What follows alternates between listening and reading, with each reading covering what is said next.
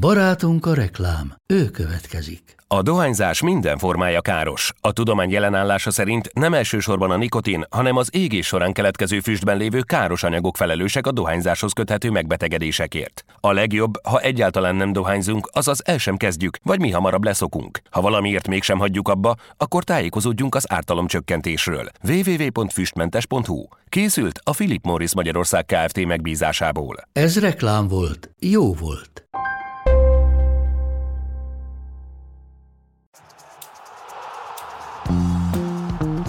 Ez a teljes terjedelem. Magyarország első futballpodcastja Baumstark Tiborral és Bognár Domával. És ezen a héten Szabó Pit, ö, aki továbbra sem a motivációs tréner, hál' Istennek, hanem, hanem a Spiller TV szakértője, illetve a Premier League állandó szakértője, a Sport24 újságírója. Kíváncsi vagyok, hogy fel tudod majd sorolni az összeset, Hogy de ne tudnám. hajrá! Az Uribetnek a állandó szakértője. Én ennyiről tudok. Premier League szerző, podcast állandó, szerző. azt mondtad? Igen, igen, igen. igen, igen. És akkor ilyenkor Ez kellene a azt csinálni, hogy akkor titeket is felsorolni, nem tudom, Bomstar Tibor, műsorvezető, pizzaszakács. Ja, igen. Újabbakkal bővül a tevékenységi kör. Motivációs tréner. Ez a motivációs tréner egy kicsit egy belsős poén volt most, mert uh, hétvégén Hétvégét egyébként is együtt szoktuk tölteni, csak itt bent. és- Más környezetben. Igen, most egy kicsit más környezetben töltöttünk együtt nagyon kellemes órákat, és ott volt ez egy ilyen állandóan jelentkező poém, mint Pete a motivációs tréner. Kellemetlen, de én erre nem emlékszem, úgyhogy majd utána meséljétek el. Ne fárasszuk ezzel a hallgatóságot. Így van, viszont a madridi derbivel Igen, bocs, közben szerintem most már megvan a hang, úgyhogy remélem, hogy az is patent lesz. Szóval volt egy madridi der- derbi, amiben az volt az igazán izgalmas, hogy nem volt igazán derbi hangulata. Ugye ti éppen akkor kicsit mással voltatok elfoglalva, de Pete már nem. Én nem, úgyhogy én, én ezt Ja, élőben néztem. akkor már, akkor már végeztél, szóval nem, nem volt igazán derbi hangulata az egésznek, és nekem már az elején is az volt a benyomásom, hogy ez a Liverpool meccs miatt van. Aztán Ancelotti a, a meccs után mondta, hogy itt mentális fáradtságról van szó.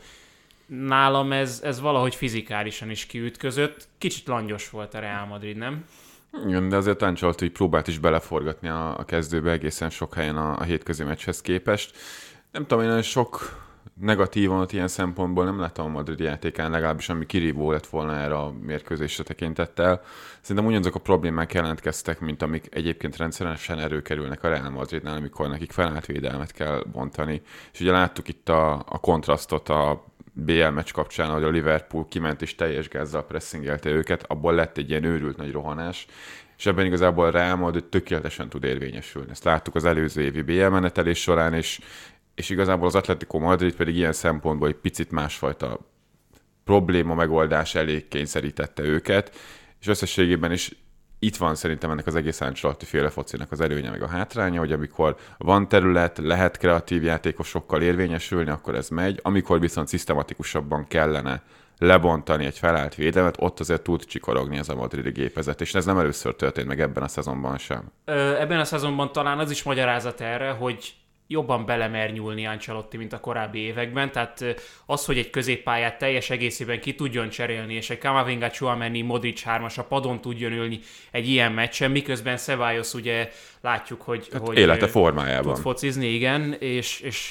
lehet, hogy ő lesz Modric utódja, vagy nem is tudom ezt hogyan fogalmazzam meg, miközben Asensioit is be tudja dobni egy ilyen meccsen a kezdőbe, viszont itt már a meccsre rátérve szerintem az valahol még meg is lepte a Real Madridot, hogy a kezdőt látva azt hittük, hogy ez egy teljesen védekező, akár 4-5-1-es atlétikó lesz, mert ugye csak Griezmann volt csatár a kezdőben, Correa, Morata, Depay mind a padon ültek az atlétikónál, és annál azért bátrabb volt ez az atléti, és a védekezés az, hogy mondjam, kezdeményezőbb volt talán, mint amennyire ez a kezdőcsapat sugalta volna, mert hogy Griezmann mellé föllépett a támadásoknál Jorente, csak aztán ugye Reinildo sérülése átírt mindent, és onnantól kezdve volt megint csak a mélyen ülő atléti. Azért mondom ezt, mert úgy tűnt, hogy mivel most éppen az Atlético megint az áldozat szerepében tud tetszelegni, ezért ezt ki is fogja használni. és, és ö, így vártuk ezt a meccset szerintem, de, de nem ez lett belőle. Tehát, hogy nem volt annyira, annyira passzív az Atlético. Hát ahhoz képest ez a támadójátékuk nem nagyon volt ezen a meccsen sem. Most, ha csak a számokat nézzük, egy feles várható gólmutatót nem tudtak elérni végül ezen a mérkőzésen. Nyilván az, hogy tíz emberrel még a vezetést is meg tudták szerezni, az tök jó egy pontrugásból. Ugye ezek azok a szituációk, ahol az ember hátrány ezért kevésbé jelenik meg. Én a meccs elején láttam azt az Atletico Madridon, hogy nagyon neki akarnak menni a Real Madridnak. Ugye itt említetted a felállást, hogy valóban ebben a 4-5-1-ben álltak föl, de arra már ugye előzetesen is lehetett számítani, hogy elsősorban Vinicius Junior miatt azért az inkább egy ötvédős rendszer lesz, és nem is a jobb oldalon végül Jorente, hanem a bal oldalon Carrasco húzódott vissza ötödik védőnek, de ez pont elég volt egyébként ahhoz, hogy Molina és Szabis nagyon sokszor egyszer ketten tudjanak figyelni Viniciusra, és a támadójátéknak a nagy része az meg szerintem abból alakult ki, amikor Griezmannhoz sikerült eljutatni a labdát. Amit ő csinál egyébként ebben a szezonban, gyakorlatilag bármelyik posztra berakva, szerintem egészen szenzációs. Érdemes egyébként visszanézni, hogy védekezésben mit csinál, ő is nagyon sokszor, még középcsatárként is, kizár gyakorlatilag a jobb oldalra, és besegítette azt az oldalt, ahol a Real Madrid egyébként túl szokta tölteni a területet, és ott vezeti a támadásai többségét, majd pedig utána ő el is indította a kontratámadásokat, borzasztóan jól játszott megint szinte mindenhol az egész pályán. Ott segít, ahol kell éppen, mert tényleg ebben a szezonban mindenhol jár, csak szegénynek egy dolog nem megy annyira, és ez a befejezés, mert továbbra is a VB óta egyetlen egy gólja van, de tényleg azt, azt bőven-bőven ellensúlyozza az, hogy mennyi gólpaszt és, és mennyit tesz hozzá a játék építésben. Ő átlagolja a legtöbb lövést az Atletikóban, ő alakítja ki a legtöbb lövés 90 perces átlagban, tehát ami, tá- ami támadás, az tényleg mind, mind-mind rajta megy végig. Úgyhogy birtokolta sokat a labdát a Real Madrid, aztán jött egyrészt Reinildo nagyon csúnya sérülése, ezt ne is próbáljátok meg visszanézni, mert teljesen fölösleges. Az mélyebbre tette az atlétit, majd jött még egy olyan esemény, ez korrák kiállítása volt, ami főleg a Chelsea meccsen történtek tükrében, ugye nevetségesé teszi a, a dolgot, tehát Simeone azt mutatta, hogy Rüdiger és Korrá között mekkora a, a magasság és a szélesség beli különbség. Ugye itt egy könyökös látott a játékvezető, de tehát ami Thiago Silva és Romero között volt a Chelsea Tottenhamen, ugye ott azért az, az inkább fejre ment az ütés, ahhoz képest, meg amiért ott Ziesnek majdnem kiállítást adtak, lehet, hogy még ahhoz képest is ez semmi volt. Ugye itt, bocsánat, csak mielőtt még válaszolsz erre, szerintem csak egy gyors szabálymagyarázat, hogy miért jár kiállítás és miért nem. Ugye, hogyha egészen pontosan fordítjuk le az angol nyelvű hm, szabálykönyvből, hogy miért jár kiállítás, hogyha fegyverként használja valaki a könyökét. Ugye tudom, hogy ez ilyen nagyon sután hangzik, de ez az igazság. Tehát ugye, ha nagyon le akarjuk egyszerűsíteni, de ez nem fedi egyébként teljesen az igazságot, akkor volt-e erőszakos cselekedet, vagy arra irányuló ö, szándék, hogy a másiknak sérülést okozzon, vagy ö, fájdalmat, inkább már talán ez is ö, elegendő. Rüdigernek egyébként elég sokan akarnak fájdalmat okozni, ezt el tudom képzelni. Igen, vagy, vagy kizárólag arról van szó, hogy valaki felelőtlenül használta a kezét, és azért, mert hátraütött, mert mondjuk azzal akar pozíciót teremteni magának, pont egy olyan ö, ponton talált el az ellenfelet, ami neki fájdalmas. Tehát nem tudom, érezhető volt-e a különbség a kettő között. Akart-e fájdalmat okozni, vagy kizárólag itt pozíciószerzésre használta az, a felelőtlen kézhasználatért sárgalapjár, hogyha valaki fegyverként használja a könyökét, azért piros lap. És ugye nagyon, azért nagyon érdekes, mert ide lehet hozni ugye azt az esetet, ami Zsal Félixnél volt, ott ugye nem könyök, hanem egy pofozás. Erőszakos volt a cselekedet, ugye ez volt a kérdés, amit visszanéztek. A játékvezető és a videóasszisztens úgy ítélte meg, hogy az nem. Nem, mint Igen, igen, igen és azért ott azért vonták vissza a piros lapot, itt meg azért adták oda. Egyébként mind a kettő, tehát az a probléma, hogy bármennyire is a videóbíró használatával próbálják a szubjektumot, mint olyat kizárni a szabályokból és a játékból, lehetetlen, mert ez kizárólag szubjektív döntés miután nem gondolatolvasók a játékvezetők, és nem látnak bele a játékosok fejébe, ezért csak feltételezhetnek dolgokat mozdulatokból. Igen, ugye ilyen esetekben a konzisztenciát, meg az állandóságot azt tényleg csak akkor lehetne elvárni a játékvezetőktől, amikor nem tudom, a mesterséges intelligencia már olyan magas szinten lesz, hogy minden mérkőzést mondjuk ugyanaz a mesterséges intelligencia vezet le, és akkor elvárhatnánk. Hogy egy gyors hazugságvizsgálatot a pályán. Tehát, hogy akkor igen, igen. Akartál fájdalmat okozni? Igen, és egyébként teljesen jól körülírtad, tehát valóban ez volt a, a különbség a két eset között. Hozzátéve azt itt a Simoni nyilatkozathoz,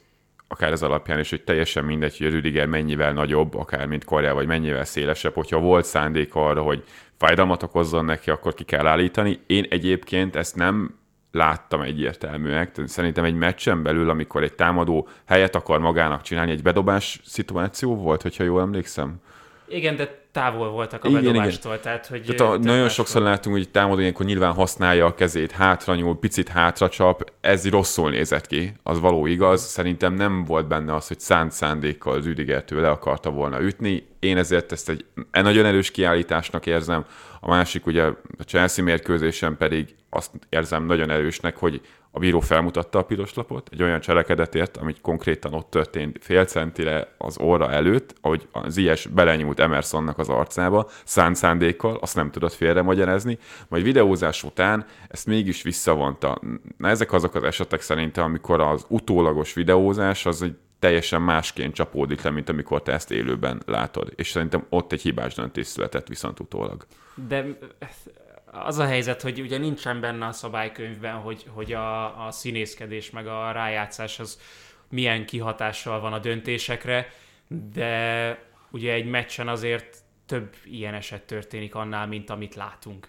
És hogyha jól el tudod adni, hogy mi történt, az, hogy Emerson ott elkezdett fetrengeni, meg az, hogy Rüdiger elkezdett fetrengeni, mind a kettő szerintem ott helyben sokat nyom a labda, la, labda, ladba, és... Hát az a baj, pont nem a labdát nyomták, hanem az ellenfelet. nice. Lecsaptad. Lehajolok ezekért, úgyhogy... Nem kéne. Na mindegy, továbbra sem értek ezzel teljesen egyet, főleg, és nekem inkább a mit mondtam, a Romero Tiago Silva esetet, ami, ami párhuzamba vonható ezzel, mert ott Tiago Silva szintén az alkarját vagy a könyökét használta, és, és nem lett belőle semmiféle e, retorzió. Mit akartam még erről a meccsről? Azt, hogy ugye volt egy Liverpool elleni meccs az Enfielden a Realnak, van most ez az Atlético meccs, csütörtökön Copa del Rey a Lewandowski nélküli Barcelonával. Nem nagyon tud pihenni most ez a Real, tehát nem csodálom, hogyha Ancelotti fölhozza azt, hogy 50 nap alatt 17 meccset játszott a csapat. Jó, ilyenkor azért meg fel lehet hozni, hogy a Real Madridnál kategórikusan kijelentették, hogy januárban nem akarnak mondjuk új játékosokat hozni, és akár mélyíteni a keretet, miközben egyébként azt látjuk, hogy a világbajnokság óta Ancelotti gyakorlatilag ilyen kímélő üzemmódba rakta Luka Modricot, tehát ő tényleg csak akkor tartja a pályán, vagy teszi fel kezdőbe, amikor már nagyon fontos, lásd például itt a Liverpool elleni BL meccs. Ugye említetted, hogy, hogy Szabályos akár át is vehetné mondjuk hosszú távon Modricnak a, a helyét ebben a Real Madridban. Én ezt azért nem adom, mert szerintem Ceballos nem egy Modric alternatíva, meg ebben a rendszerben sem igazán úgy használja őt Ancelotti. Nekem inkább a, ez a Kroos-féle visszalépegető nyolcas szerepkör is.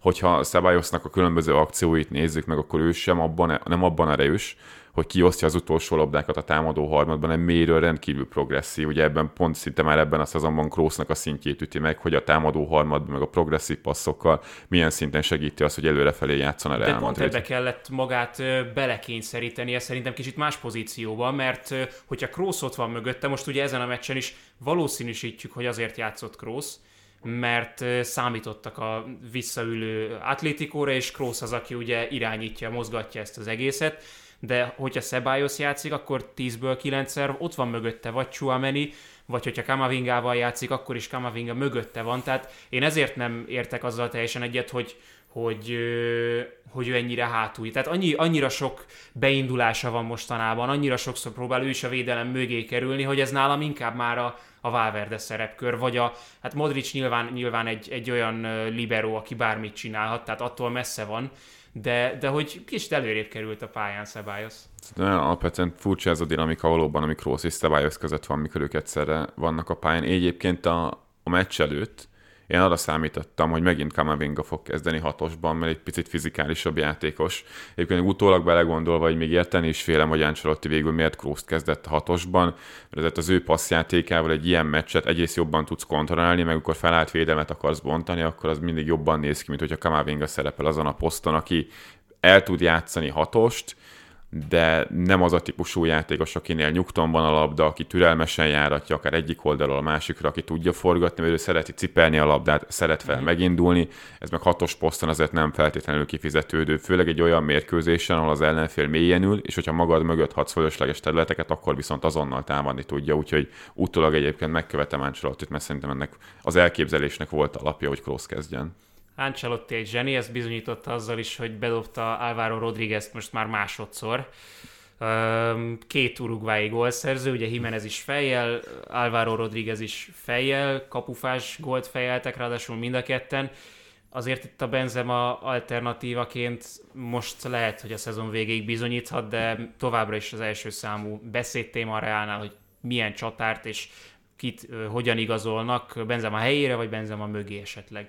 Mert hogyha valaki, akkor egy 18 éves ilyen csatár Benzema mögé tökéletes lehetne. Hát pláne úgy, hogy mm, úgy tűnik, hogy a fokozatosság is megvan azzal, hogy ezt a szezont ezt vegyesen játsza a Castillánál és az első csapatnál. Ugye azt is mondta Ancelotti, hogy a következő szezonban már a nagy csapathoz csatlakozik, és akkor nem játszik vissza már a tartalékok között. Hát meg alapvetően ez a legnehezebb, hogy Benzema esetében most még úgy gondolunk rá, mint a Real Madridnak a kikezdhetetlenül első számú centere, miközben ő is már bőven túl van a 30-on, lassan közelebb lesz a, a 40-hez, és egyszer nem tudsz mögé igazolni. Mert akit te leigazolsz, az nem fog játszani egyszerűen. És nyilván egy fiatal játékos esetében is ez, ez szerintem nagyon nehéz, hogy mennyire kell még lehetőséget biztosítani neki, mikor túl kevés az, mikor túl sok, és hogy tudod átadni akár a stafétát mondjuk bizonyos bajnoki mérkőzésekre én Jálvárót még nem nagyon láttam, hogy a csereként játszogatott most néhány mérkőzésen. Nem is láthattad. Úgyhogy a Castilla meccseket nem nézek, de, de egy ügyes srácnak tűnik itt a gólpassza, meg most a gólya után feltétlenül jelenleg a Real Madridnál szerintem most már azt kell eldönteni, hogy akkor mennyi ideig bíznak még olyan szinten Benzemában, hogy ő, ő az első számú center. És hogyha a következő szezonnak is még így mennek neki, és van mögött egy fiatal srác, aki még alapvetően nagyon-nagyon kevés meccsrutinnal rendelkezik ezen a szinten, azt szerintem egy óriási kockázatvállalás egyébként. És szerintem ebben a szezonban is ezt a kockázatot valamilyen szinten bevállalta a Real Madrid, center poszton is, de nem csak ott, mert akárhányszor nézem a Real Madridot, nekem mindig az hiányzik, hogy egyszerűen a jobb oldalon nincsen játék. Tehát, hogyha a bal oldalt ki tudják szedni, akkor a jobb oldalon maximum Valverde csinál valamit, de szerintem Carvajal sem az a szint már támadásban, hogy egyedül ezt meg tudja oldani. Jobb szélső meg lényegében nem játszik, mert akár Rodrigo van a jobb oldalon, akár Essensio van a jobb oldalon, akár Valverde van a jobb oldalon, ők is folyamatosan befelé játszanak. Tehát nem azt látjuk, mint mondjuk egy, egy Manchester City, hogy túltöltik az egyik oldalt, és a másik oldalon meg van egy nagyon jól egyegyező játékos, aki utána megcsinálja a Real Madrid egyszerűen nincsen meg.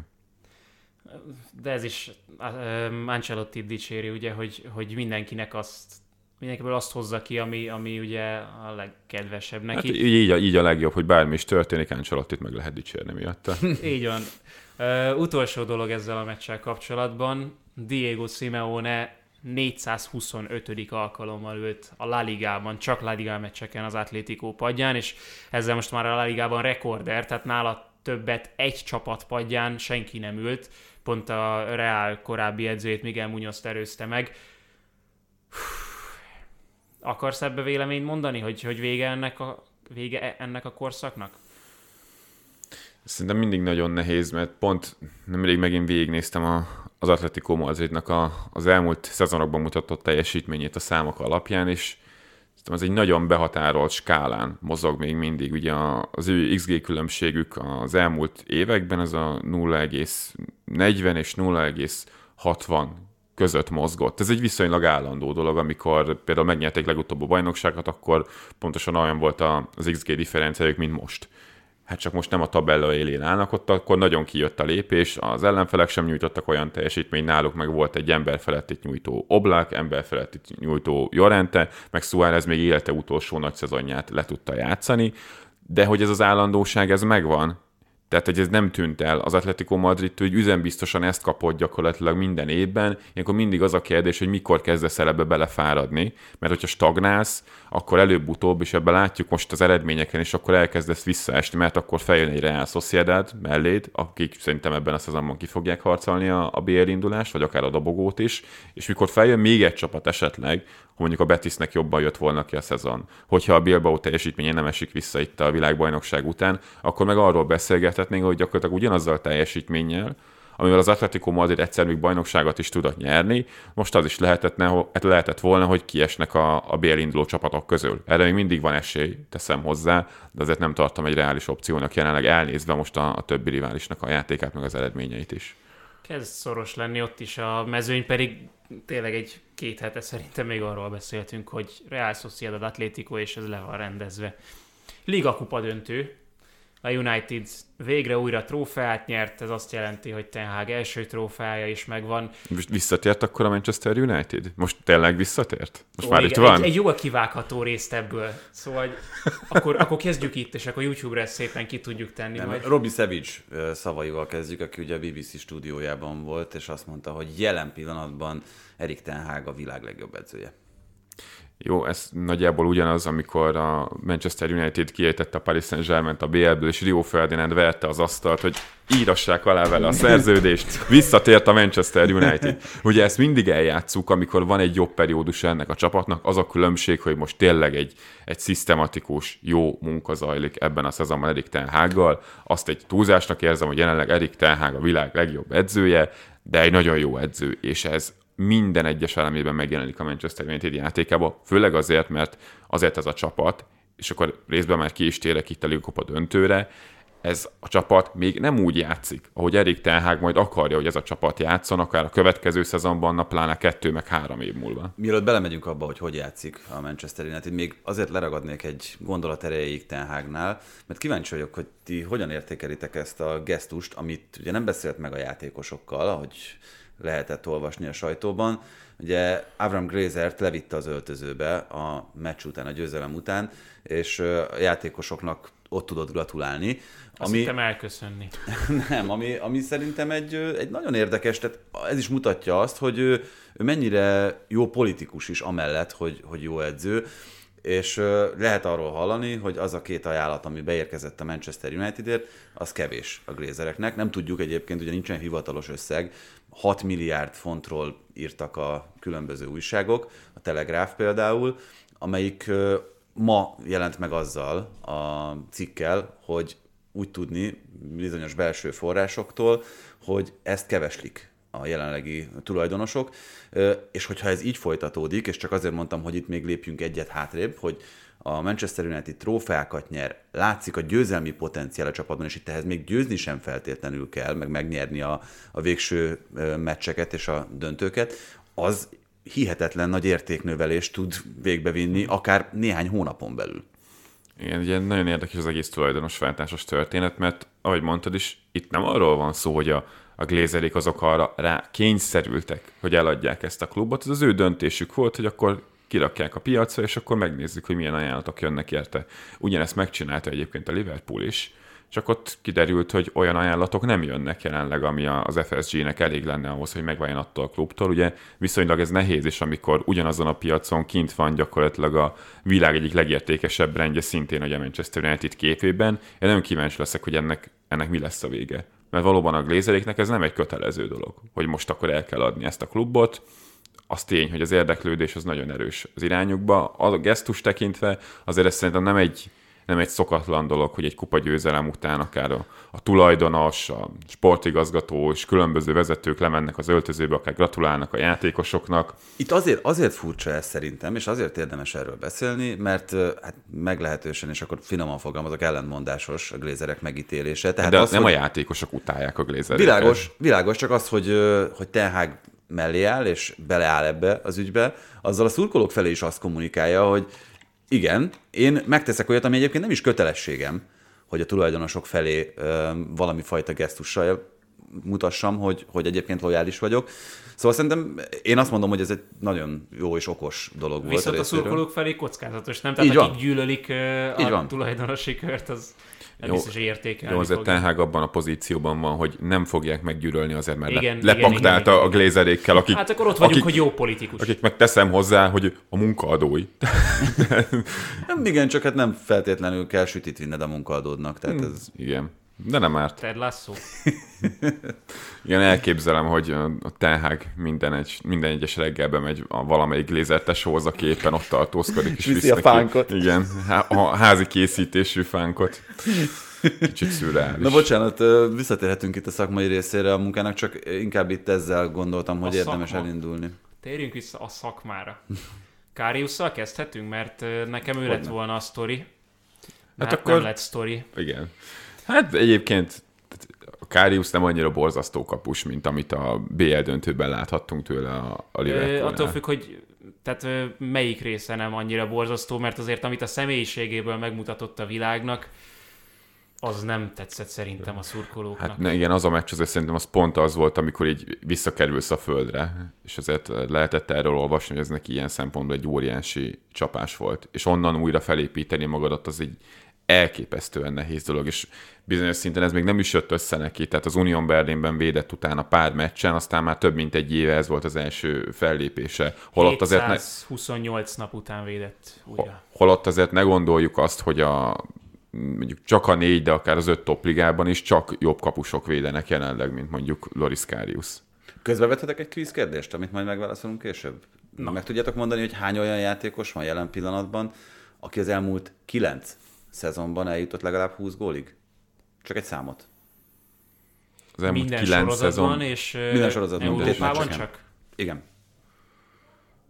20 gólig. csak egy számot mondjatok. öt.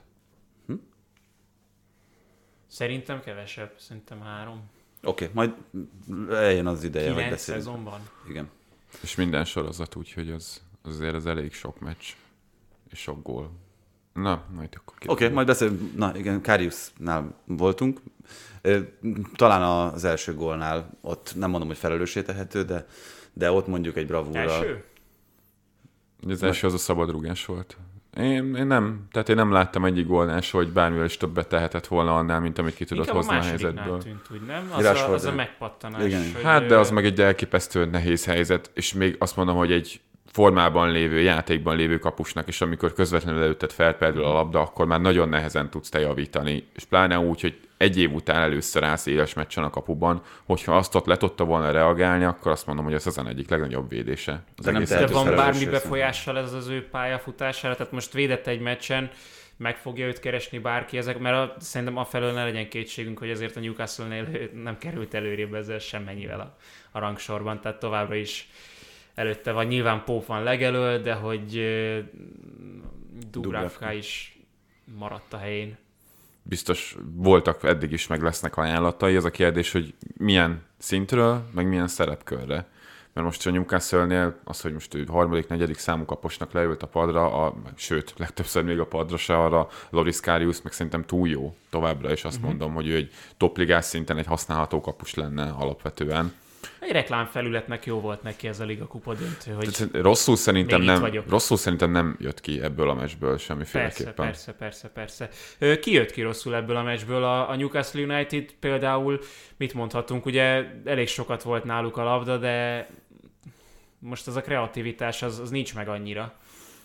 Hát alapvetően szerintem az, hogy a Manchester United gyakorlatilag az első két komolyabb lehetőségéből gólt szerzett, az úgy meghatározta az egész mérkőzésnek a, az alakulását, és valami egészen elképesztően direkt játékot játszott a United, és erre céloztam, amikor azt mondtam, hogy szerintem Ten kettő-három év múlva a maradék néhány hajszálát is kitépni, hogyha így játszana a Manchester United, viszont tudott ez a csapat alkalmazkodni a körülményekhez, nem csak ezen a mérkőzésen, hanem ugye a szezon összességét tekintve is, mert mit tudunk a Newcastle Unitedról, az, hogy elképesztően jók a labda nélkül, letámadásban, agresszivitásban, és a Manchester United-et viszont még továbbra is, és ezt az elmúlt hetekben is láttuk például a, a Leeds United elleni bajnokikon, hogy egy erős letámadásról azért zavarba lehet hozni a saját kapuja előtt. Mm-hmm. Most picit megint azt láttuk, mint amit a katasztrofális szezonkezdés után néhány héten keresztül, hogy Deha gyakorlatilag minden egyes lehetőségnél küldte fölfelé előre a labdát, és alig volt gyakorlatilag olyan szekvencia, hogy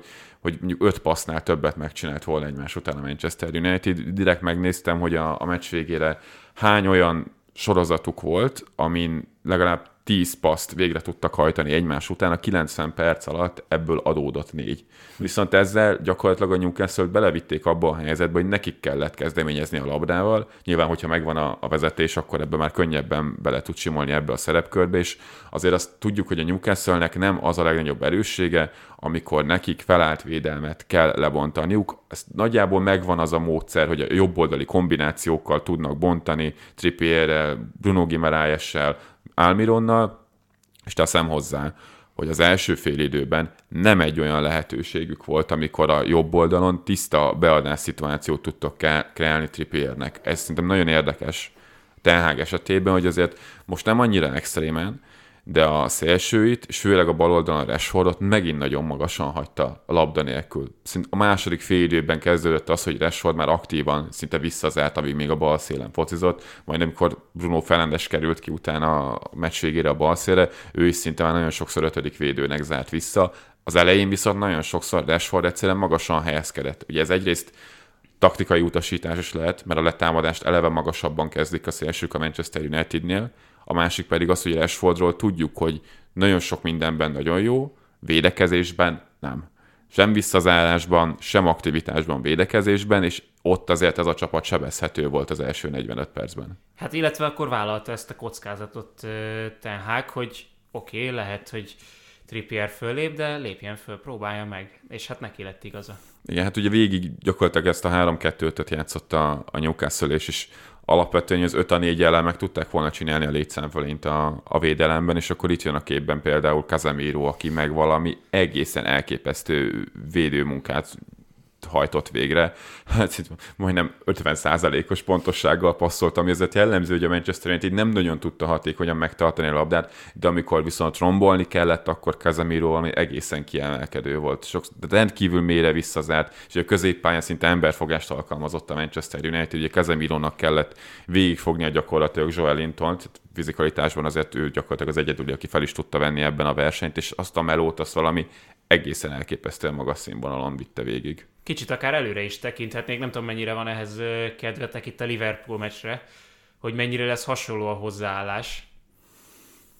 Egyébként benne lenne, tehát, hogy a Liverpool most átmenetekből valami egészen elképesztő módon sebezhető, és az a Manchester United bár el akar jutni odáig, majd szerintem, hogy labdával tudjon mérkőzéseket kontrollálni, dominálni, de ez a csapat jelenleg még mindig akkor a legjobb, amikor káosz van, és átmenetekből lehet játszani. Ezt láthattuk egyébként a Barcelona ellen is, láthattuk ezen a mérkőzésen is, valamilyen szinten még legutóbb a Leicester elleni bajnokin is, Csak is kérdés, hogy belőlük. Klopp hányszor lép bele ugyanabba a folyóba. Tehát azért az, az hogy a Real Madrid ellen ez Hát ez a Liverpool ez elázott már ebben a szezonban, olyan, annyiszor beleléptek.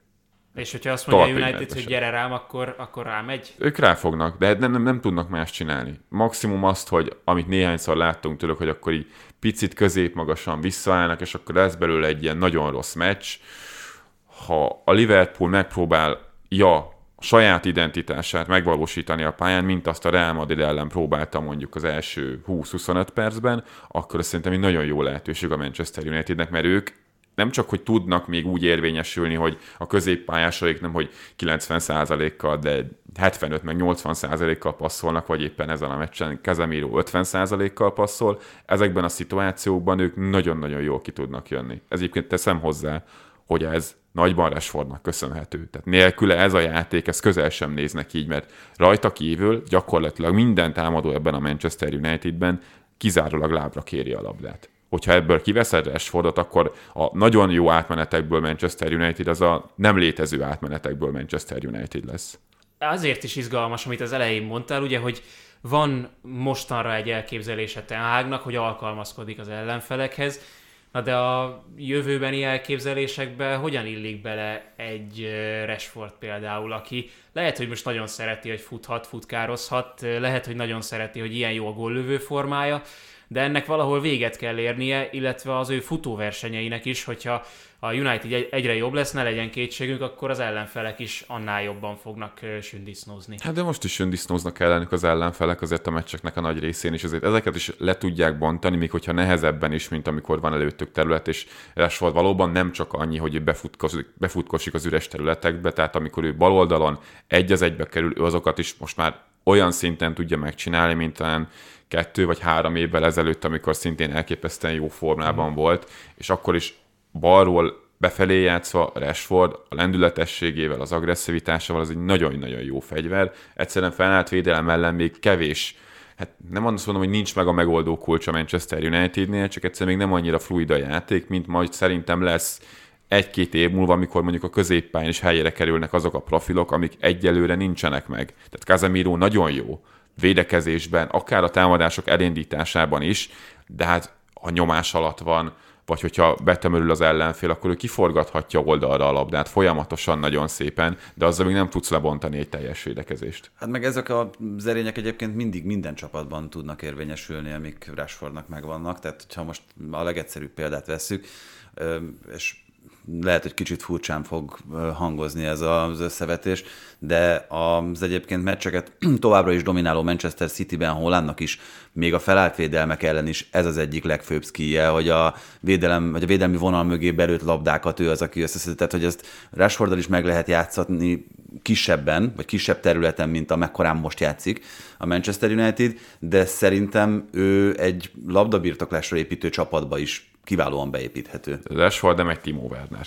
Szerintem érdemes leszögezni, és szerintem ez abban is látványos, hogy azért korábban, amikor Rashfordnak középcsatát kellett játszania, és akkor tényleg kijött az, hogyha nincs terület, akkor középcsatárként elveszett volt. Most már én ezt nem látom annyira egyértelműen, főleg azért, mert szerintem a 16-oson belüli mozgásán nagyon sokat javított, és ami nagyon fontos, hogy a feljátéka megérkezett. Tehát ebben a szezonban, mert 3-4 gólt biztosan szerzett fejjel, ami azért korábban nem volt rá jellemzés. Talán Tenhág is mesélte el, hogy ez az a pontja a játékának, ahol neki kellett erről lépnie már ebben a szezonban.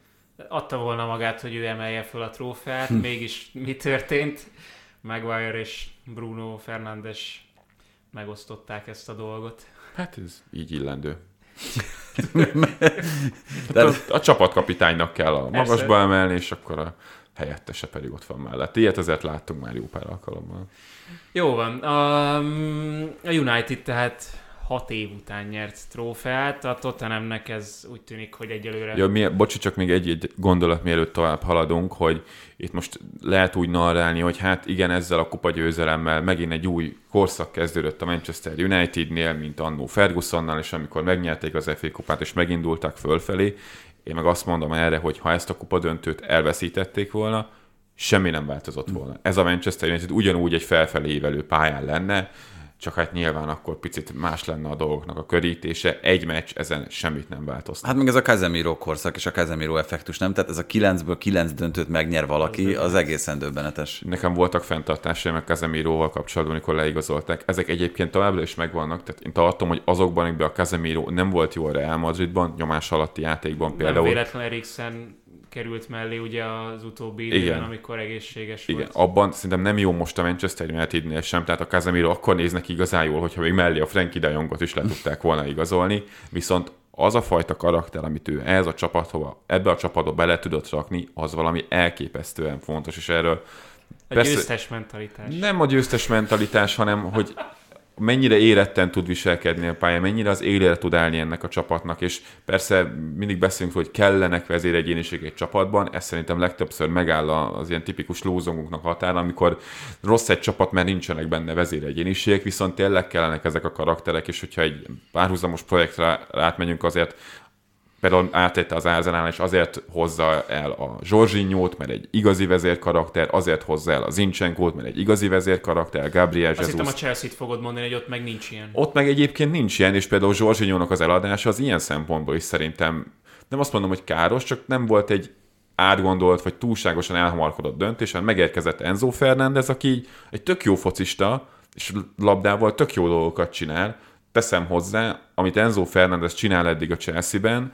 azzal nem lóg ki lefelé, még azt mondom, hogy ebből a csapatból fölfelé lóg ki, csak ezeket a dolgokat a Zsorzsinyó megcsinálja most az Arzenálban is. Csak érte nem 120 milliót kellett fizetni, és persze érezzük, hogy azért Enzóban nagyobb a potenciál, meg egy sokrétűbb játékos, mint Zsorzsinyó, csak itt jön be az, hogy a, maga a csapat, és az, hogy hogyan játszik egy csapat, és hogyan biztosít egy játékosnak lehetőséget arra, hogy kibontakozzon, az mennyit számít akár egy játékos teljesítményének a megítélésében is. Uh-huh. Most uh, meglepő volt egyébként talán, hogy a Chelsea több héten át ugyanazt játsza, nem? Tehát, hogy van elképzelése Potternek. Ugyanazt nem ugyanazokkal, tehát itt inkább én abban látom a problémát, hogy mintha egy ilyen ismerkedési est húzódott volna el gyakorlatilag most már, most már egy hónapja, vagy, vagy inkább másfél hónapja, mintha nem tudom, egyébként ez egy nagyon furcsa felvetés szerintem a részemről, hogy létezik az, hogy, hogy Potter az edzéseken nem került teljesen tisztába azzal, hogy kitől pontosan mit várhat el, mert nekem ez a benyomásom sokszor. Ezt hallottátok, ezt a felvetést, hogy elég mérgese Potter? Persze, hát ez jó. Igen, elmondta azt, hogy hát még néhány ilyen kérdést meghallok, akkor mérges igen, igen, igen, ez egy a BL meccs előtti sajtótájékoztatón volt. Igen. Uh, mint továbbra is tartom, hogy ez egy elképesztő szituációban ő, ő belekerült. Tehát, hogy nem ismer még mindenkit, hát persze, mert szerintem bizonyos edzőknek lehet, hogy még az is nehezére esne, hogy mindenkinek a nevét fejből tudja most a 30 fős keretből, és igen, nekem ez a bajom, amit említett, hogy próbálja ugyanazt játszani most minden meccsen a Chelsea, csak hát nem úgy lett Csak össze... hatot belerotál. Tehát, hogy az... Meg nem úgy lett összerakva ez a keret, hogy egy like for like ki tudok cserélni egy játékos, akkor ugyanolyan profilú játékos berakok a helyére. Most nekem nem mondja senki, hogyha Maduekét kicserélem Ziyechre, akkor ő ugyanazt fogja játszani. Hát vagy Sterlinget Mudrikra. Vagy Sterlinget Mudrikra. Nem ugyanaz lesz, és persze most a felállás azért nagyjából kezd állandós, akkor ez a 4-2-3-1, ami még így a labdás mintázatok is kezdenek kirajzolódni, de semmiféle konzisztencia nincs abban, hogy egyébként a Chelsea a pályán viselkedik egy ilyen nagyon laza kapcsolat van a játékosok között is taktikailag, és, és nekem ez a, ez a Tottenham elleni meccs sem tetszett. Nem csak ezért, itt szerintem azért Potternek is megvan ebben a felelősség, amikor meccsterveket rak össze, és, és tudom, hogy ez nagyon nehéz, így ilyen katyvaszból összerakni valami működőt, és ő mindig abban volt jó, hogy, hogy jó meccsterveket tud összerakni, pláne rangadókra jó meccsterveket tud összerakni. Én nem értettem, hogy a Tottenham ellen próbáltak mondjuk labda nélkül csinálni. Az, hogy labdával hogy néznek ki, az egy dolog, az a legnehezebb, azt a legnehezebb megcsinálni egy új edzőnek is, meg amikor kicserélik a félkeretet, akkor még nehezebb megcsinálni. De hogy labda nélkül gyakorlatilag így ilyen zies amikor szánvédőt játszott, tehát a Davis folyamatosan visszazárt, és akkor egy ilyen 5-1-2-2-t játszottak, az Enzo gyakorlatilag ebben a légüres térben mozgott a, a védelem előtt, és valószínűleg azért, hogy a Kén visszalépeget, akkor majd ő, ő fel tudja venni, semmi értelme nem volt. Emlékszem, mikor az Ázanál próbálkozott ezzel még az előző szezon végén a White lénen, csúszott az egész folyamatosan, és a, a Langley folyamatosan a bal oldalon szabad volt. Ugye mindig a loftus próbált kiugrálni rá, és utána az egyik csatár Havertz helyezkedett legtöbbször fönzárt vissza Hölgybiegre, de egyszerűen annyi időt adtak labdával a Táteremnek, hogy folyamatosan ki tudták hozogatni a labdát, Langley mindig kiúzott az oldalvonalon, és fel tudta cipelni a labdát, fel tudta passzolni Kénnek a lábára, egyszerűen nem tudtak hatékonyan nyomást gyakorolni a Tatanem védelmére. A Tatanemnek úgy, hogy végigvédekezték majdnem az egész meccset, több dabdaszerzése volt az ellenfél térfelé, mint a Chelsea-nek. Ez így nagyon olcsó, ez az összehasonlítás, de azért talán valami igazság magva mégis van a dolognak, hogy akkor, amikor egy-egy edzőnek a munkájáról beszélünk két különböző csapatnál, és amikor látunk bizonyos tendenciákat, nagyon sok a sérült, bizonyos folyamatok nem úgy működnek, ahogyan mm, kellene működniük, akkor Potternél azt nem lehet most már szerintem megkerülni azt a kérdést, hogy hogyan létezik az, hogy az 57 utolsó próbálkozásából nem tud gólt szerezni ez a csapat, miközben erről beszéltünk az utolsó három évben a Brightonnál, vagy az ott töltött három évében, hogy egyszerűen a helyzet kihasználás, a helyzetek vége, meg az akciók vége, az, az nincsen meg, és ott is lehetett azt mondani, hogy persze mopéjal nem lehet. Hát meg... Igen, most sincs csatára tulajdonképpen. Igen, de, de hogy, hogy azért az látszik, hogy, hogy Dezerbivel például hatékonyabb ez a, ugyanaz a Brighton, nincs, nyilván ők is uh, alulrúgják az XG-t ahhoz képest, mert kicsit a játékból is fakad ez természetesen, de akkor, amikor ugyanazzal az edzővel két különböző csapatnál ugyanazt a problémát kell elsőnek felhánytorgatni, akkor szerintem arról már érdemes beszélni. Nagyon sokat gondolkodtam, hogy ez tényleg egy ilyen Potter specifikus dolog, és ő csinál valamit úgy, hogy valamiért mindig ez az alul teljesítés jön ki belőle. Brightonnal kapcsolatban mindenfelé beszélgettünk erről, és ott az volt a leglogikusabb magyarázat, hogy mivel nagyon lassan építkeznek, és úgy érnek fel a kapu elé, egyébként nem kiemelkedő képességű játékosokkal, ezekből a fél helyzetekből folyamatosan rossz megoldásokat választják, nem százszerzékos zicserig játszák le, és úgy termelik a lövéseket. Itt a Chelsea-nél azért ilyen tendenciára én még nem figyeltem föl. Egyszerűen még ez a csapat nem tud folyamatosan, szisztematikusan helyzeteket kidolgozni.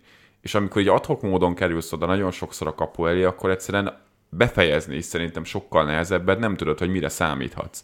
Ugye többféleképpen kialakulhat jó játékkapcsolat, az egyik az ez a Real Madrid féle játékkapcsolat, amikor taktikailag azért nincsen annyira leszabályozva, hogy mi történik a támadó harmadban, viszont a játékosok között egy olyan összhang alakul ki évek alatt, hogy az elképesztő jó dolgokban tud megnyilvánulni. Most a Chelsea-nél ez nyilván nem lesz meg, mert még a játékosok megint csak kis túlzással a keresztnevét nem tudják a, a másiknak. Rendszer szinten, meg megint csak ennyi játékosból ennyi idő alatt, még szezon közben, tehát ezt sosem felejtsük el. Tehát Potter egyrészt szezon közben érkezett, alapozás nélkül, és akkor a szezonon belül alapozás nélkül egy komplet új csapatot kapott, hogy akkor ezzel még egyszer kezd újra. Ez egyszerűen példátlan szerintem a top focinak a szintjén. Én egyszerűen nem emlékszek arra, hogy ilyen valaha történt volna egy edzővel, hogy ilyen szituációval kelljen szembenéznie. És én nem ezt látom egy ilyen indoknak. Hogy... Éppen ezért a vezetőség is azt mondja, hogy kitart mellette, de egy utolsó dolog itt a játékhoz, hogy azért vannak már sarokpontjai ennek a Chelsea-nek. Például Joao Na. Félix, például Enzo Fernández. Most itt ö, olyan, olyan játékosokra Hát ezek ezt. azért elég, elég ö, halványan látszó sarokpontok szerintem. De ők szinte minden meccsen kezdenek. Hát értem én, de azt még én nem látom, hogy pontosan megtalálták a végső szerepét ezeknek a játékosoknak. Mi? Ezt, ezt én sem láttam. És ugye Enzo Fernández szerepe is ilyen szempontból érdekes, ugye most papíron ezt a 4-2-3-1-et játszák, most loftus játszott mellette, de hát labdás fázisokban nagyon sokszor így is a, az Enzo Fernández volt az egyedüli hatos. Ezt el tudja játszani, tök jó, az argentin válogatottban is, is ezt csinálta, ne, nem szeretem egyébként az ő mozgását nagyon sokszor ilyen helyzetekben, túlságosan mélyre visszalép labdákért, nem jó pozíciókat tölt fel, de a Benficában nem ez volt. Tehát ő egy ilyen 6-8-as hibrid volt, tehát volt mögötte még egy játékos, aki ezt a feladatot ellátta, jelenleg nem ezt játsza a Chelsea-ben, mert igazából ezt a hatos pozíciót most csak ő tudja eljátszani ebben a csapatban, úgyhogy ő van igazából ebbe belekényszerítve. Egyébként jó, tehát ezen a meccsen is az Enzo Fernandez szerintem a Chelsea-nek talán a legjobb játékosa volt összességében. Még a Tottenhamről akartok valamit, vagy? Hát ennyit szerintem, amit Bence is leírt felvetésként, hogy Stellini mit nyilatkozott. Stellini Magic. Hát, Stellini Magic van. Amit, amit elmondott a meccs után, hogy tinédzserek ként viselkednek a játékosok, vagy felnőtt tinédzserekként, hogy ez egy nagyon érdekes felvetés szerintem, hogy elképzelhető, hogy pont az a könnyedség hiányzik az egyébként jól és szisztematikusan összerakott csapatjátékból, amit Conte a szigorúságával nem feltétlenül hajlandó mindig biztosítani, az egyébként nagyon jó képességű játékosoknak. Hát ez a Conte focinak a, a plafonja ez szerintem eddig is teljesen világos volt, és ez nagyon jól látszik. Holott... Hát akkor ezt kéne csinálni, mármint nem megbetegedni szegény konténak, hanem hogy ő összerakja, és aztán a meccsen meg üljön ott mások Igen, akár, van. és azért a Tatelemmel kapcsolatban azért megint ki kell emelni Viónak a, a munkáját, ugye megint pontrugásból szerezte volt, hogyha valaki esetleg nem tudnak, ő a Tatelemnek a pontrugás specialistája, itt Conte most nyáron hozott el az olasz válogatottól a stábjába. Meg korábban a Fiorentinánál, a Milánnál dolgozott. Igen, igen. Van egy elég szép CV-je van a 5000 pontrugás variációt dolgozott ki, ugye ez a legenda vele kapcsolatban. És hiába van 5000 pontrugás variáció, a Chelsea-nek sikerült ugyanaz benyelni, amit a, ebben a szezonban már vagy ötször eljátszottak, hogy beívelik valaki, megcsúsztatja középen kénnek, és a hosszú oldalon érkezik, és gól. Egyébként pont amikor Montella vitte oda még a, a Milánhoz, Montellával dolgozott először, ő ugye a Fiorentinában is dolgozott vele, és ami szerintem egy ilyen tök érdekes dolog lehet a játékosok részéről, hogy ott akkor emlékszem azokra a nyilatkozatokra, hogy a játékosok mennyire élvezték azt, hogy újdonságokat vitt oda, és új edzésgyakorlatokat is próbálgattak, és hogy az egy, egy ilyen végtelen öröm volt ezeknek a futbalistáknak, hogy meg tudták csinálni meccsen ugyanazt a szituációt, ugyanoda fölállva, tényleg centire Meg látod, hogy van értelme. Amikor igen, látod, hogy, hogy van meccset nyersz vele, akkor igen. Úgyhogy ez, ez egy ilyen nagyon érdekes plusz lelki töltet szerintem, amit belevisz. És akkor megválaszolom a kérdést. Összesen kettő játékos van, aki kilenc szezonon keresztül el tudta érni a legalább 20 gólt tétmeccseken. Az egyik Harry Kane, akinek ez, ugye ez most jött össze, mert tétmeccseken most van meg neki a 20, a másik pedig Robert Lewandowski, Ugye Ronaldónak és Messinek is volt lyukas szezonja. Tehát ugye ők... Messinek hogy az előző volt. Így van, Ronaldónak, Ronaldónak is. is. Úgyhogy így jöhetett össze ez. Amúgy, amúgy négyen pályáztak erre. Te, az ötnél még kire gondoltál? Ciro Immobile. Mm, Egyébként ő sem egy rossz, Nem, nem, csak most 9 nem szezonban. Nem, mert a, a 9 szezon miatt nem, én megmondom őszintén, hogy Benzemára csak aztán rájöttem utólag már, hogy neki volt két egészen föltelmes szezonja, ahol nem hogy 20 gólig, de gyakorlatilag alig lőtt gólokat. A, ugye a közelmúlt emlékei megcsaltak engem ebben a tekintetben. Egyébként Suárezen is gondolkodtam, csak ugye az Jó, előző igen. szezon az már Aha, egyébként ő Nála is, is. ő is egy, egy jó, jó megfejtés lehetett volna, de hát akár Ibra is szóba kerülhetett volna, hogyha Hát ő már. Nekem nem jutott eszembe. Érthető okokból. tegnap visszatért. Hát nyert is a Milán. Ő kellett ide. És egyébként nagyon érdekes, nem tudom, hogy olvastátok-e a nyilatkozatot, amit közvetlenül a mérkőzés után adott, hogy azt mondta, hogy azért is nem került be a bajnokok ligája keretbe, mert három héttel ezelőttig még nagyon-nagyon rosszul nézett ki számára is ez a szituáció. Azt mondta, hogy Beszéltük is, hogy valószínű, hogy ez nem, nem feltétlenül Pioli, hanem inkább az ő döntése volt. Igen, és nagyjából arról beszéltek a háttérben, hogy valószínűleg vége, mert semmifajta fejlődés nem sikerül elérni a lábával, a térde az nem hajlott úgy, ahogy kellett volna, nem tudta ugyanazokat a mozgásokat, ugyanazt a dinamikát megcsinálni, és azt mondta, hogy maga sem, meg a fizióstáb sem pontosan tudja, hogy mi történt. Három hete szinte robbanásszerű javulás állt be. El tudta végezni fájdalom nélkül azokat az edzésgyakorlatokat, amiket kellett, anélkül, hogy bármit változtatott volna az étkezésén, vagy, vagy bármi máson. És most nagyon bizakodó azzal kapcsolatban, hogy, hogy újra focista lesz, ami persze ilyen viccesen hangozhat 41 évesen, de egyébként, hogyha egy 100%-os fizikai állapotban lévő Ibrahimovic akár csak percekre tud beszállni, meg a jelenlétével tudja segíteni a Milán, szerintem annak még mindig van hatása a Milánra. De most már később el keretet módosítani, ugye? Az késő, de hát nekem bőven elég az is, hogyha a bajnokságban mostantól megnyer minden meccset a Milán. Igen, mondjuk ő hatékonyabban rúgja be a helyzeteket, mint mondjuk Zsirú tette ezt az Atalanta ellen, holott azért nyilván a Zsirúnak a hozzáadott érték az elég magas volt azon a, azon a meccsen. Hát meg ugye itt beszéltünk arról szerintem a Milán kapcsán, hogy Ibrahimovic sérülése, Menyan sérülése, és ezek mintha úgy kezdenének egy kicsit kiegyenesedni. Ez azért így utólag megnézve is egy sima mérkőzés volt a, a Milán részéről, nagyon. Akkor egy térünk erre, mert akkor belekezdek. De egész nyugodtan. Csak a, ahogy már említetted, hogy a Menyának a, visszatérése is, és ezt a meccset látva látszódott igazán, hogy hosszú kiagyásot, hogy mekkora extra ez a csávó lábban. Lábban. Az, hogy a hosszú labdái azok mennyire pontosak, és mennyire erősek, és Zsirút folyamatosan meg tudta találni, és a Milán nagyon sokszor ezekből építkezett, hogy utána lepattanókat gyűjtögették be már az ellenfél térfélének a közepén, és amikor mindig arról beszélünk, hogy mi hogy egy kapusnak lábbal jónak kell lennie, ott szerintem nagyon sokan még mindig úgy gondolják, hogy ez abban nyilvánul meg, hogy amikor a hátul passzolgatnak labda kihozataloknál, akkor oda tudja gurítani négy méterre a mellette állónak, és ettől akkor ő nagyon ügyes lesz lábbal, de nem, hanem az, hogyha nyomás alatt vagy, és te 40-50-60 méterre pontosan, erősen, jó ütemben oda tudod rúgni a labdát a támadóknak, és át tudsz játszani gyakorlatilag egy teljes pressinget ezzel, na amikor egy Ederson. Alisson. Ramsdale, na amikor egy kapus ezt tudja megcsinálni, na akkor lehet azt mondani, hogy igen, ez a kapus lábbal kiemelkedő. A Tatarusán is elpasszolgatott hátul, csak ezt ő nem Amit, tudja amit ö, belsővel 15 méterre maximum. Így van, de ezt nem tudja megcsinálni, amit Menyan csinál meg, hogy a ellenfél térfének a közepére pontosan oda rajzolja a csatának a fejére vagy a melkasára. Ez egy hihetetlenül nagy skill. Abszolút, és akkor itt van még valaki szerintem, akiről érdemes beszélni, Malik Jao, aki, kezdjük onnan ezt a sztorit is, hogy Milán mindenképpen keresett valakit a belső védő pozícióba. Sven Botman volt az első számú kiszemelt, a Newcastle-lel nem tudta tartani a lépést ebben a Milán, Mm, Viszont ugye a következő két verzió, amennyire tudom, Tanganga volt és Acerbi visszahozatala, ezek ö, nem jöttek össze, és akkor mondta azt a Maldini Massara páros, hogy ö, akkor egy fiatal játékosra tesznek, aki még valószínűleg nem érett arra, hogy az első csapatba kerüljön, és akkor itt vetődik föl az a kérdés, amit nem biztos, hogy meg tudunk válaszolni, hogy Pioli hibája valahol, hogy ő nem adott korábban lehetőséget Zsáónak, vagy pont ezt a pillanatot kellett kivárni, ameddig ő kellően érett ahhoz, meg eleget edzett együtt mondjuk Kierékkel, vagy, vagy Tomorival, vagy aki, akivel éppen pályára küldi őt, hogy biztonsággal egy bajnokok ligája meccsre, egy Atalanta elleni rangadóra oda tedd úgy,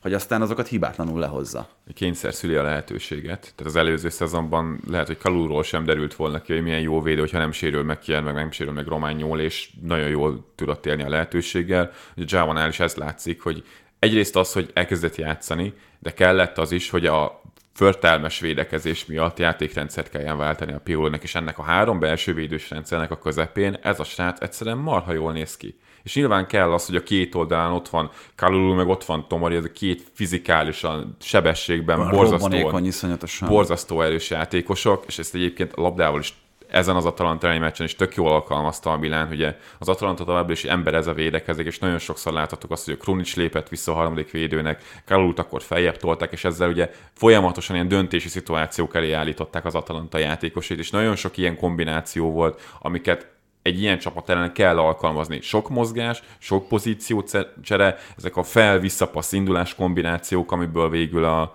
Messias meglőtte a második gólt, és hogy folyamatosan kirángatták a védőket, és volt mögötte beindulás. Ezeket a Milán ezen a meccsen így ezekkel a védőkkel, ezekkel a játékosokkal, mint hogy így a tankönyvből olvasta volna neki, hogy na így kell megverni egy Atalantát, amelyik így védekezik. Hosszú labdák, lepattanók begyűjtése, pressing átjátszása nagyon direkten.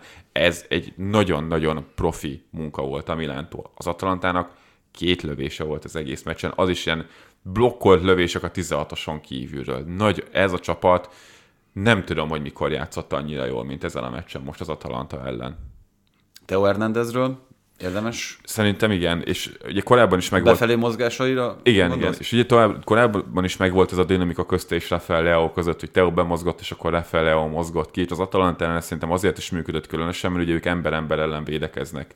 És ugye Zappa Costa jobboldali szárnyvédőként alapvetően majdnem 3-4-3-3-4-3 ellen védekeztek, és Theo Hernandezzel egyszerűen találkoznia kellett volna az oldalvonal mellett. De az, hogy Leo egyszerűen a helyezkedésével lefoglalt két játékost is, ugye Tolajt és Zappakosztát, és nagyon sokszor Theo Hernandez a pálya közepén gyakorlatilag egy ilyen, nem tudom, 10 méter sugarú körben tökéletesen egyedül tudott állni, és nem csak a gólnál, amikor érkezett a lepatton, hanem nagyon sokszor meg lehetett ilyen pozíciókba játszani, hogy ez amikor döntésre kényszeríted az ellenfel, most az Ápakozta, menjek be oda középre vele, és akkor Rafael Leo meg majd egyez egyezik kinn a szélen, hát az nem jó, de az sem, amikor a Theo Hernandez ott felveszi a pálya közepén a labdát, aztán rávezeti közvetlenül a védelemre. Itt szúrom be, hogy hamarosan majd lesz egy speciális rovata a teljes terjedelemnek.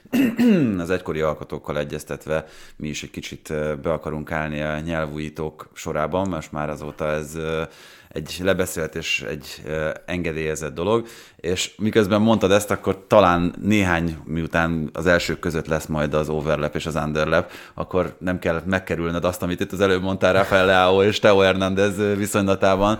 Ugye, de, hogy... de ezt, ezt, én nem overlapnek meg underlapnek mondom, egyszerűen egy pozíciócsere. Tehát nem arról, hogy az egyik mögé kerül a másik, hanem egyszerűen behúzódik középre, és a másik foglalja a helyét. Na erre hogy ezt pozíciós rotációnak hívják, vagy az hívjuk, könnyű, igen. de az is egy ilyen furcsa körülírás ennek a történet. Hát a pozíció csere szerintem Há, egyébként igen, erre, erre egy abszolút megfelelő dolog.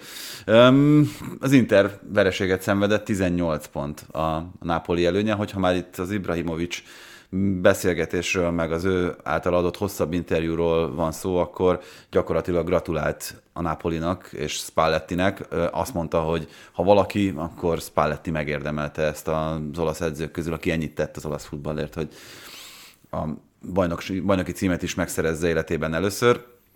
Miközben egyébként azt mondta, hogy ahhoz kétség sem férhet jelen pillanatban, hogy a Napoli Olaszország legjobb csapata. Hát meg a top 5 ligát összességében nézve is nehezen tudnék még egy olyan csapatot mondani, amelyik ennyire eredményes, amellett, hogy ennyire látványos és jó a játéka.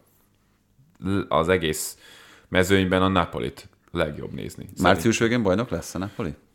Én azt mondom, hogy bajnok lesz. Ugye most hat ellentétes Akkor eredmény kellene lesz, ahhoz. Igen Szerintem össze fog jönni, és még nagyobb lesz a különbség szerintem, mint amit most vizionálunk akár. Úgyhogy nagyon érdekes helyzetben van most Spalletti, hogy most mire pihentessen a, a bajnokságra, amit 18 ponttal vezetünk, vagy a Frankfurt elleni meccsről meg már kettő gólos előnyben várják a hazai mérkőzést. Hát meg itt szerintem az a nagyon érdekes kérdés, hogy ezeknek a játékosoknak, akik egyébként folyamatosan bírták a sorozat terhelést a középpályán is, jót tenne az, hogyha most elkezdenéd őket kiveszegetni a ritmusból, és azt mondani Lobotkának, hogy te figyelj, üljél ki egy vagy kettő meccset, mert majd március végén nagyobb szükségem lesz rád a bajnokok ligája negyed döntőben. Hát egy-egy meccsre muszáj lesz, és ezért ebbe bele is nyúlogatott néha Spalletti, hogy hol Elmas játszott, ugye a jobb szélen, ugye Lozánóik folyamatosan azért cserélődnek, ugye az az egy poszt, ahol igazából nincs meg az állandóság.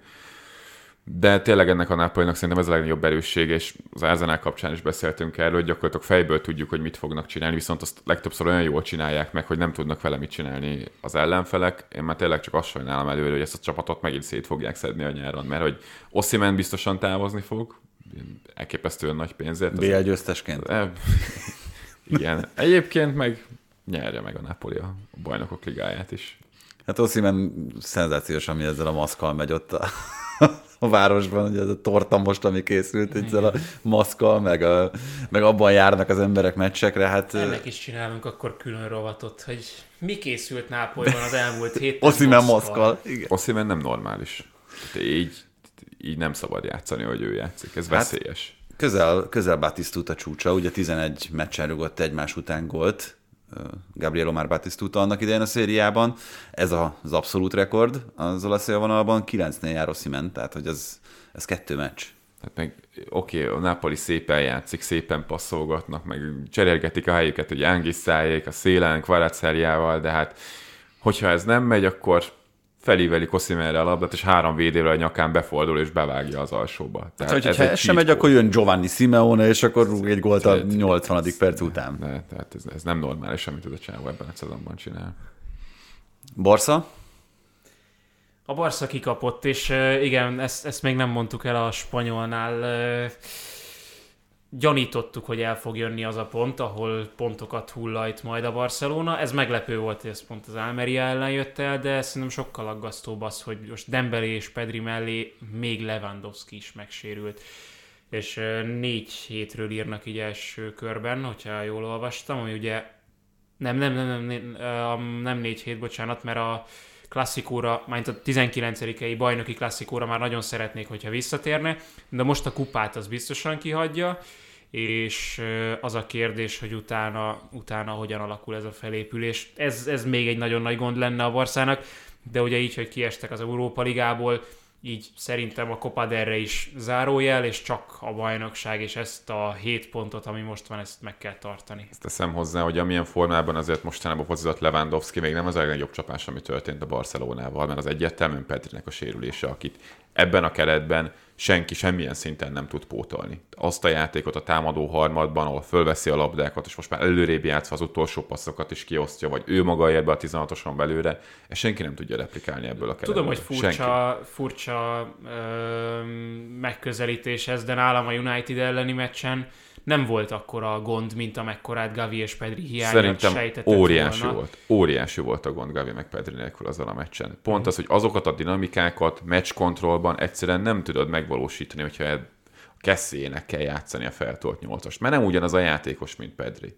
Az Teljesen más de mennyit játszottak korábban, és nálam Sergi Roberto volt talán a legnagyobb pozitív meglepetés, hogy hogy ugye... Gavi szerepkört azt jól megoldotta, nekem, nekem azon a meccsen is a Pedri végtelenül hiányzott a, abból azt, a Barcelonából. Az biztos, hogy őt nem lehet reprodukálni. Úgyhogy megvan a Barcelona előnye, de egyre felértékelődik az a március 19-i klasszikó Barcelonában. Még egy gondolat Franciaországból, ugye ott is rendeztek egy klasszikust. A Paris Saint-Germain ezúttal nagyon simán leverte azt a Marseille-t, amelyik a kupából kiejtette a PSG-t. Mbappé 2, Messi egy gól, neki utóbbinak ez a 700 volt, ami egy egészen elképesztő mérföldkő, különösen 843 mérkőzés, vagy 840, attól függően, hogy ki miket számol bele pontosan hivatalos ö, meccseknek, viszont ö, a 200. Párizsi találata volt az Mbappénak, amivel már most klubcsúcstartó, emlékszem, nagy vitya volt itt még egy műsorban, talán két évvel ezelőtt, vagy másfél évvel ezelőtt, amikor még nagyon-nagyon erősen tartotta magát először az, hogy esetleg Madridba igazolhat, és akkor mondta azt, hogy ugye azt javasolták Mbappénak, hogy legyen először minden rekord megdöntője és tartója a PSG-nél, nyerjen minél többet ezzel a csapattal, és utána még mindig várhat rá egy madridi karrier. Egyébként nem feltétlenül vetendő el ez a forgatókönyv az esetében, mert még mindig egy borzasztó fiatal játékosról van szó. A kérdés inkább csak az, hogy a bajnoki címen keresztül, vagy kívül valami várhat-e még rá a PSG színeiben. Hát ebben a szezonban egészen biztos vagyok nem. benne, hogy nem. A kupa győzelem biztos. A BL-ben ugye hátrányban a Bayern ellen. Hogy most ebben a szezonban, vagy összességében? Összességében. Is. Én nem... Mbappé, tehát lehet, lehet, hogy úgy egyszerű. Le, nyere BL-t Nyere BL-t Mbappé a Paris Saint-Germain-nel. Nem. Ez a Paris Saint-Germain még továbbra is szerintem nyáron egészen jól igazoltak, de továbbra is abban a hibában azt a hibát nyögik, hogy ezt a három játékost egy csapat nem bír el komoly mérkőzésen, és amikor azt mondom, hogy komoly mérkőzésen, akkor már azt mondom, hogy egy Marseille ellen sem az, hogy Neymar, Messi, Mbappé egyszerre a pályán legyen, mert az mínusz három ember, de legalábbis két és fél védekezésben, és meg akarom nézni. Ki a fél? A Neymar. Neymar, ő, egy fél embernek minimum szerintem be lehet dobni védekezésbe, Messi-t és, és Mbappét még annak sem. Meg akarom nézni ezt Messi a meccset. Messi is megcsinálta a letámadás az argentin válogatottban. É, ja, oké. Okay. Nem. De... Szaudarábia ellen az utolsó 10 percben. Meg akarom nézni ezt a meccset, mert nagyon érdekelt, csak a számokat néztem meg, és hát, illetve a Lille ellen is van egy ilyen meccset játszott a PSG, hogy mindkét csapatnak temérdeknyi helyzete volt, és nyilván amikor neked ott van Messi, Neymar, Mbappé, akkor a, a Lille-t meg a Marseille-t jó eséllyel meg fogod venni, amikor nagyon sok esemény van a pályán, és akkor te fogsz abból jól kijönni hát mondjuk egy Bayern München ellen ebbe belemenni már nem biztos, hogy annyira jó ötlet. Krisz azt írta a Twitteren, sőt retweetelte azt hiszem valakinek a tweetjét, hogy ha hárman vannak, az nem működik, de hogyha a háromból csak kettő van a pályán, az már mennyire pozitív hatást gyakorol a PSG-re. De mindegy, hát most nem, nem láttuk. Vagy hát én nem láttam ezt a meccset, gondolom ti se. Szerintem te tudod, hogy mi sem láttuk. De én meg fogom nézni, tehát az első francia bajnoki lesz, amit ebben a szezonban megnézek, mert ez érdekel. Hát én egyébként az előző meccsét láttam, a két csapatnak az szenzációs volt. Az a, az a Marseille Paris Saint-Germain. Hú, az a kupa meccs az, az egészen kiváló volt. Na jó van, szerintem ennyi a 404-es adás. Pete, Még annyit szépen. a végső mondatként azért szerintem érdemes megjegyezni, hogy helyreállt a világ rendje a Bundesligában, a Bayern München lepofozta az Unión Berlint, úgyhogy nincs el Nem állt helyre teljesen. Aj, Doma, ne legyél naív. Hány meccset nyert most sorozatban a Dortmund? 9 vagy 10-nél járnak? Na jó, de mindig ugye a szívem beszél. Hát ha, hát ha. Mert mit mond a szíved? Azt, hogy szoros lesz a Bundesliga vége. Hallgass a szívedre. Mondta Szabó Péter. Igen, nem az... mi vagyok motivációs tréner? Motivációs tréner. Jó. Köszönjük szépen, hogy itt voltál. Jövünk a jövő héten, és addig pedig iratkozzatok föl Spotify-on, mert igen, mert minél több embert várunk oda is továbbra is. Hát nem csak Spotify-on, bármilyen podcast alkalmazásban egyébként ez megtehető, tehát vannak teljesen ingyenesen használható az iTunes, a Google Podcaston, ezek mindenhol hallgathatóak.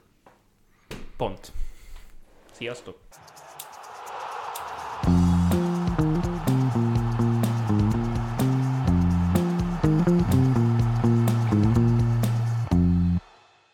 Ha más podcastekre is kíváncsi vagy, hallgassd meg a Béton műsor ajánlóját. El tudod képzelni, hogy a podcastet, amit éppen most hallgattál, fél év múlva már a mesterséges intelligencia generálja? Mi sem. De ha érdekel, eljötte már a gépek lázadása. Hallgass bele az Embertelen podcastbe. Orsós Lajos vagyok, a műsor házigazdája. Egyelőre még élőben. Egyelőre. Fedezzük fel együtt, hogyan ismerkedik, randizik, mesél és vitatkozik Betty és Péter, két teljesen mesterséges intelligencia. Lajos, a podcast címét mond még egyszer, Léci. Oké. Okay. Embertelen podcast. Ez a műsor a Béton közösség tagja.